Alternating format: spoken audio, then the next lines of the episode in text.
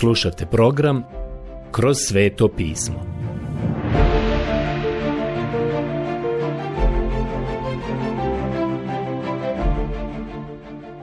Knjiga Poslanica Galačanima Odlomak Poslanica Galačanima Uvod Poglavlje 1 stih 1 Prijatelji, danas dolazimo do poslanice Galačanima.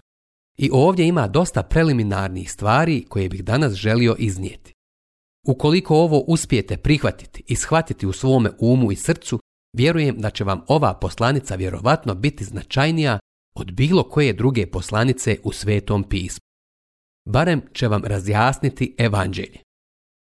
Mi vjerujemo da je apostol Pavle napisao ovu poslanicu galacijskim crkvama na svom trećem misionarskom putovanju iz Efeza. On ih je prije toga posjetio, prošao je kroz to područje i onda je nakon toga saznao da su poslije njega tamo bili judaisti i da su ih tamošnje crkve počele slušati. Apostol Pavle je napisao ovo pismo da se suprotstavi njihovoj poruci i da jasno kaže što je evanđelje. Ono što je veoma važno za vas i za mene, kada je u pitanju poslanica Galačanima, jesu ljudi kojima je napisana i poslana. To nije uvijek tako u drugim poslanicama, ali ovdje je tako da vi i ja moramo znati pozadinu. Ovdje imamo teoriju, ali neću ulaziti u to. Oni od vas koji su upoznati sa uvodnim stvarima i informacijama koje se tiču biblijskih knjiga, znaju da se ne zadržavam na tim stvarima koje su danas predmet kritičara. Na primjer, postoji ono što je poznato kao sjevernogalacijanska i južnogalacijanska teorija. Za mene je relevantno samo ovo što apostol Pavle piše svim crkvama u Galaciji. To je bilo prilično veliko područje i to je bilo vrlo poznato područje. U tom području je živjelo brojno stanovništvo i mnoge crkve su bile osnovane tu. Riječ Galačani mogla bi imati etnografsko značenje koje bi se odnosilo na nacionalnost tog naroda ili bi se mogla koristiti u geografskom smislu što bi se odnosilo na stanovnike rimske provincije pod tim imenom. Bez obzira na stav koji je zauzet, postoji zajednička krvna povezanost koja je identifikovala ljude u tom području gdje je bilo miješano stanovništvo. Ljudi po kojima je pokrajina dobila ime bili su Gali. Bili su keltsko pleme koje je imalo isto porijeklo kao i pleme koje je nastanjivalo Francusku. Usput da kažem, način na koji su oni tamo dospjeli može se pratiti u istoriji. U četvrtom vijeku prije Krista oni su napali Rimsko carstvo i tada su opljačkali Rim. Kasnije su prešli u Grčku i zauzeli Delfe 280. godine prije Krista. I tada su bili ratoboran narod i u stalnom pokretu i ratnim pohodima. Tada su na poziv Nikomeda I, koji je bio kralj Bitinije, područja u Maloj Aziji. Na njegov poziv su prešli u Malu Aziju da mu pomognu u građanskom ratu. Kako su oni bili ratoboran narod, osvajali su i ubrzo se nastanili u Maloj Aziji. Šta više, svidjelo im se tamo. Divna klima i prekrasna zemlja. Sjećam se da sam i sam bio veoma prijatno iznenađen prilikom moje posjete Turskoj. Tada sam saznao da je to divno područje duž rijeke Aegan kao i u unutrašnjosti tog područja, a i uzduž Mediterana. Dakle, 189. godine prije Krista ta keltska plemena su postala podanici Rimskog carstva i postali su provincija. Njihove granice su varirale i dugi niz godina zadržali su svoje običaje i jezik. Oni su zapravo bili plavokosi istočnjaci. Crkve koje je apostol Pavle osnovao na svom prvom misionarskom putovanju bile su u jednom trenutku uključene u područje Galacije. Ovo je naziv koji bi apostol Pavle inače dao tim crkvama. Ovi galski kelti su imali gotovo isti temperament i karakteristike američkog stanovništva. Odnosno, mi u Sjevernoj Americi smo došli iz Europe ili iz Engleske. Zanimljivo je zapaziti šta je rečeno o našim precima. Kao što dobro znate, postojala su mnoga divlja, žestoka germanska plemena i keltska plemena u današnjoj Francuskoj. Cezar je rekao o njima sljedeće. Poslušajte ovo. Nedostatak imana gala je u tome što su nestalni u svojim odlukama. Vole promjene i nije im zavjerovati. Zar to ne opisuje današnje američko stanovništvo, to jest većinu stanovništva? Nestalni su u svojim odlukama. Jedno vrijeme je bio popularan jo-jo i bio je pravi hit. Zatim je to bio hula hop. Šta god novo dođe, mi idemo za tim. Nestalni smo u svojim odlukama. Volimo promjene. Svake godine želimo novi auto, želimo najnoviji model i volimo dobiti časopis na kome se nalazi datum iz sljedeće sedmice. To je slika i ovih ljudi. Neko drugi ih je opisao kao iskrene, plahovite, sklone tome da se zadive i impresioniraju, izrazito inteligentne, sklone razonodi, ali krajnje nepostojane, plod pretjerane taštine. To je slika današnjeg američkog stanovništva. Jedan naiđe i kandiduje se na izborima, a mi odmah idemo za njim. Za četiri godine ga zaboravimo. Da li se sjećate ko je bio predsjednik prije osam godina? Prije 20 godina? Mogu li vam reći, mi smo veoma nestalan narod i nismo baš postojani. Jako sam sretan što su rekli da smo izuzetno inteligentni, jer i mi tako mislimo. A razlog zbog kojeg takvog mislimo jeste zato što je to plod pretjerane taštine. To je slika nas. Sjećate se jednom prilikom su htjeli od apostola Pavla napraviti Boga, a već sutradan su ga kamenovali. To je ono što mi radimo. Izaberemo čovjeka za predsjednika i onda ga pokušavamo ubiti na položaju. Baš je zanimljivo to što je naš današnji sistem vlasti preživio toliko dugo. Dakle, Poslanica Galačanima ima posebnu poruku za nas, jer je napisana ljudima koji su poput nas, kao mi, koji su sa svih strana okruženi kultovima i bezbrojnim filozofijama, pokretima i izmima.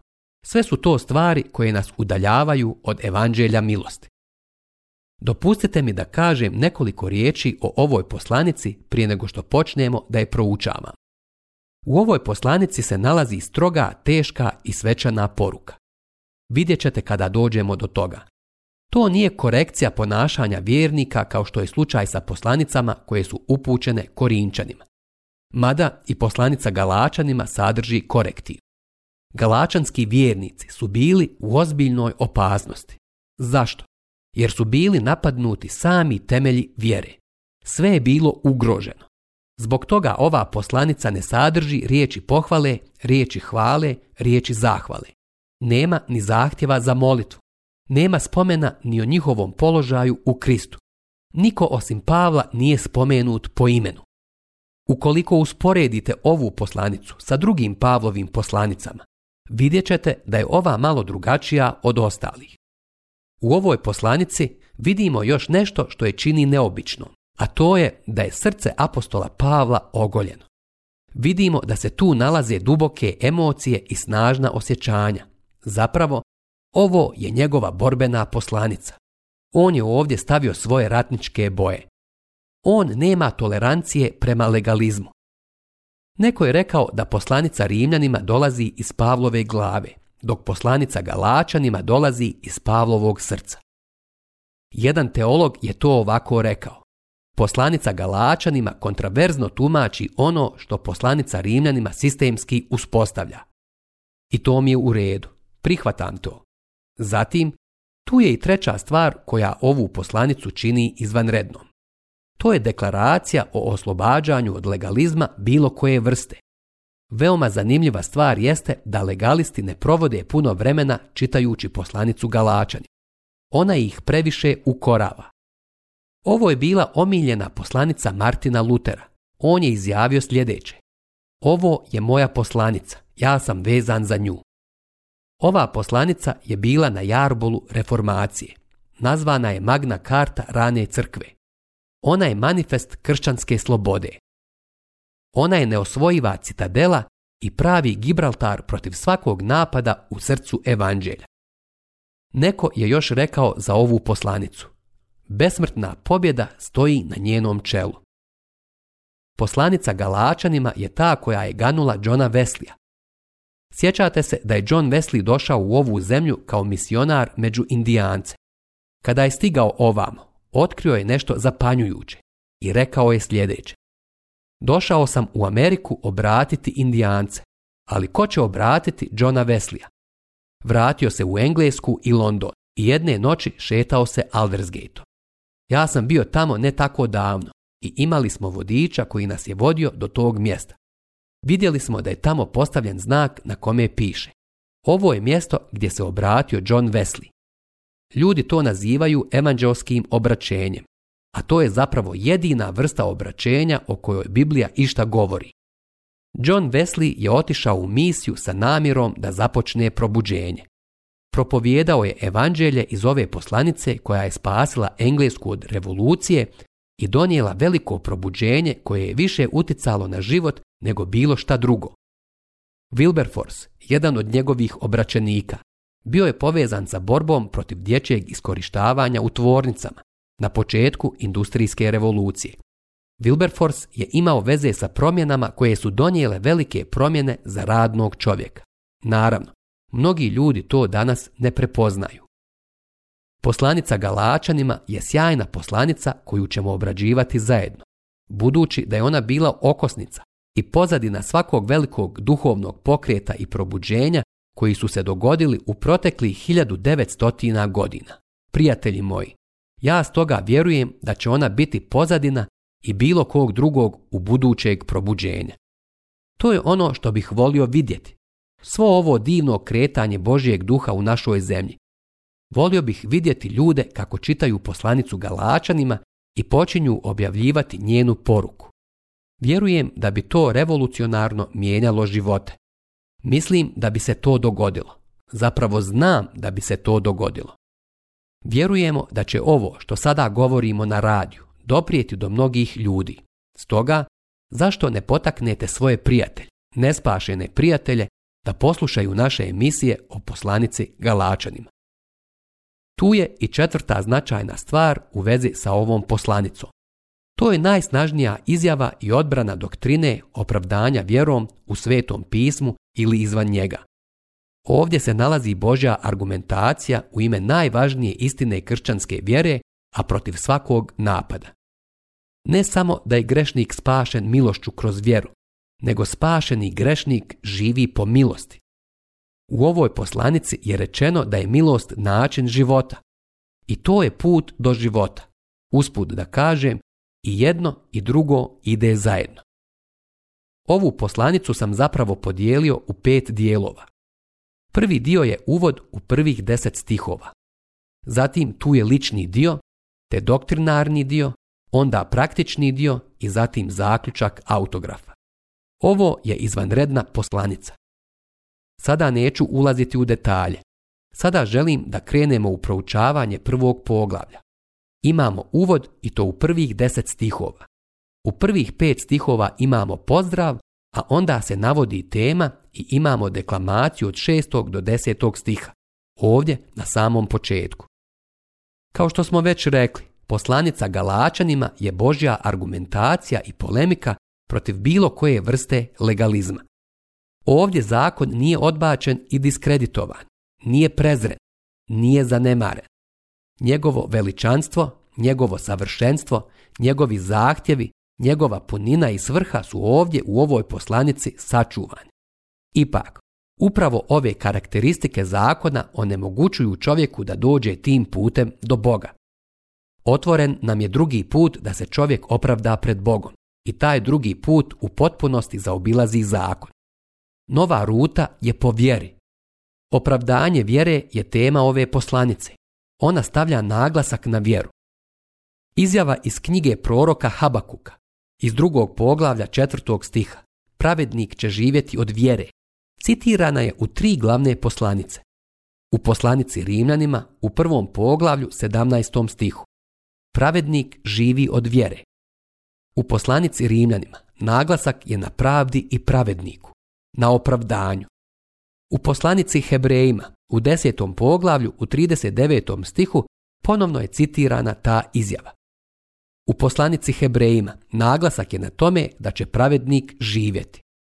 A u poslanici Galačanima u trećem poglavlju u 11. stihu gdje se također citira pomenuta izjava, naglasak je na vjeri. Tako da imate tri tačke naglaska. Pravednik u poslanici Rimljanima, živjeće u poslanici Hebrejima i vjerom u poslanici Galačanima. Kada ulazimo u sve ovo ovdje, mi možemo da vidimo da je apostol Pavle stvarno zagrijan već na samom početku pisanja ove poslanice. Postoje dvije metode koje su koristili oni koji su napadali evanđelje. Pokušavaju dodati nešto evanđelju, a onda pokušavaju diskreditovati čovjeka koji propovjeda evanđelje. Kao što smo već rekli, Sotonina metoda danas je da ne napada Bibliju direktno, frontalnim napadom. Kao što znate, to u ratovanju nije uvijek dobra metoda, osim ako nemate nadmoćnije snage. Način na koji to radite da ne napadate frontalno, nego bočno sa strane zaobilazite. Rasporedite svoje trupe i napadate iz drugih uglova. Tako ni neprijatelj danas ne vrši frontalni napad na Bibliju. Napad se izvodi uvijek suptilno, ti napadi se generalno gledajući preduzimaju protiv svakog onog čovjeka koji propovjeda riječ Božju. To je razlog zašto su svi oni koji su temeljni i fundamentalni u vjeri danas tako ogorčeno napadnuti. Čovjek mi je neki dan rekao, koliko shvatam vi ste fundamentalista, a ja sam mu na to rekao da. On se nasmijao i rekao, pa znaš da sam uvijek razmišljao o fundamentalistima da nisu zabavni i da su naporni. I ja sam se nasmijao. On je mislio da je rekao nešto novo. Slušao sam takve stvari od malena. Čuo sam taj izraz i za mene to uopšte nije bilo ništa novo. Uvijek su ljudi imali takav stav za one koji su temeljni i fundamentalni propovjednici. Da su na ovaj ili onaj način čudni.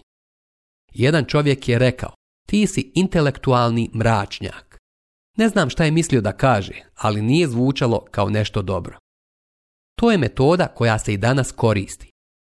Saznali ste da će ljudi napasti Pavla i njegovo apostolstvo, njegov autoritet i to je način na koji takve stvari počinju. Apostol Pavle brani svoje apostolstvo ovdje na samom početku i to je vrlo cool pozdrav upućen tim ljudima koje je doveo do gospoda i uspostavio tamošnje crkve, te ih je posjećivao na svakom svom misionarskom putovanju. Zakoračimo sada u poslanicu Galačanima.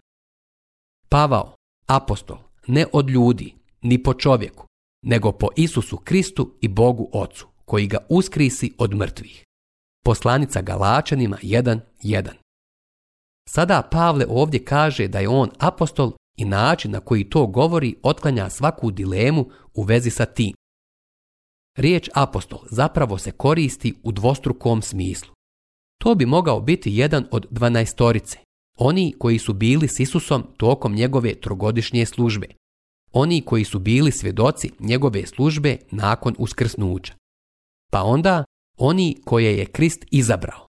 Tada bi apostol mogao biti onaj koji je poslan korišten u širem smislu. I mislim da je Pavle po našem sudu, to jest po mom sudu, mislim da je preuzeo judino mjesto. Mislim da je on taj. Matija, čovjek za koga su glasali, nigdje se drugo više ne spominje. Da ga je duh sveti odabrao, sigurno negdje usput bi ostavio svoj pečat, potvrdu i znak da je taj čovjek bio apostol. Pavle je dokazao da je apostol, ali Matija nikada nije.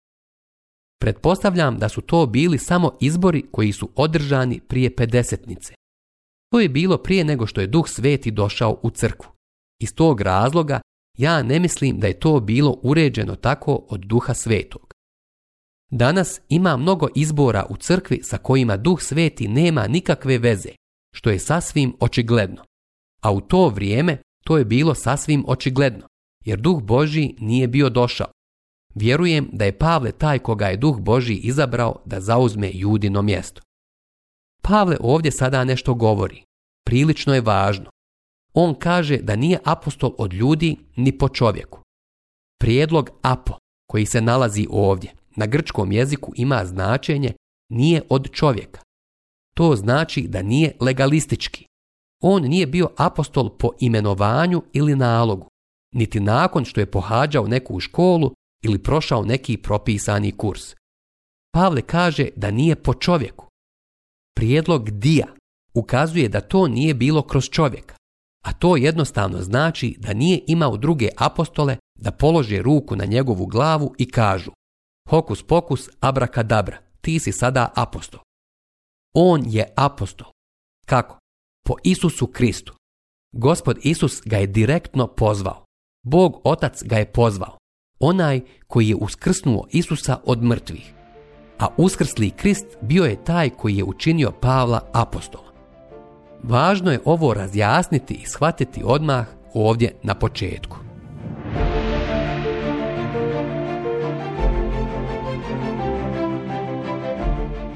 Slušali ste emisiju Kroz sveto pismo.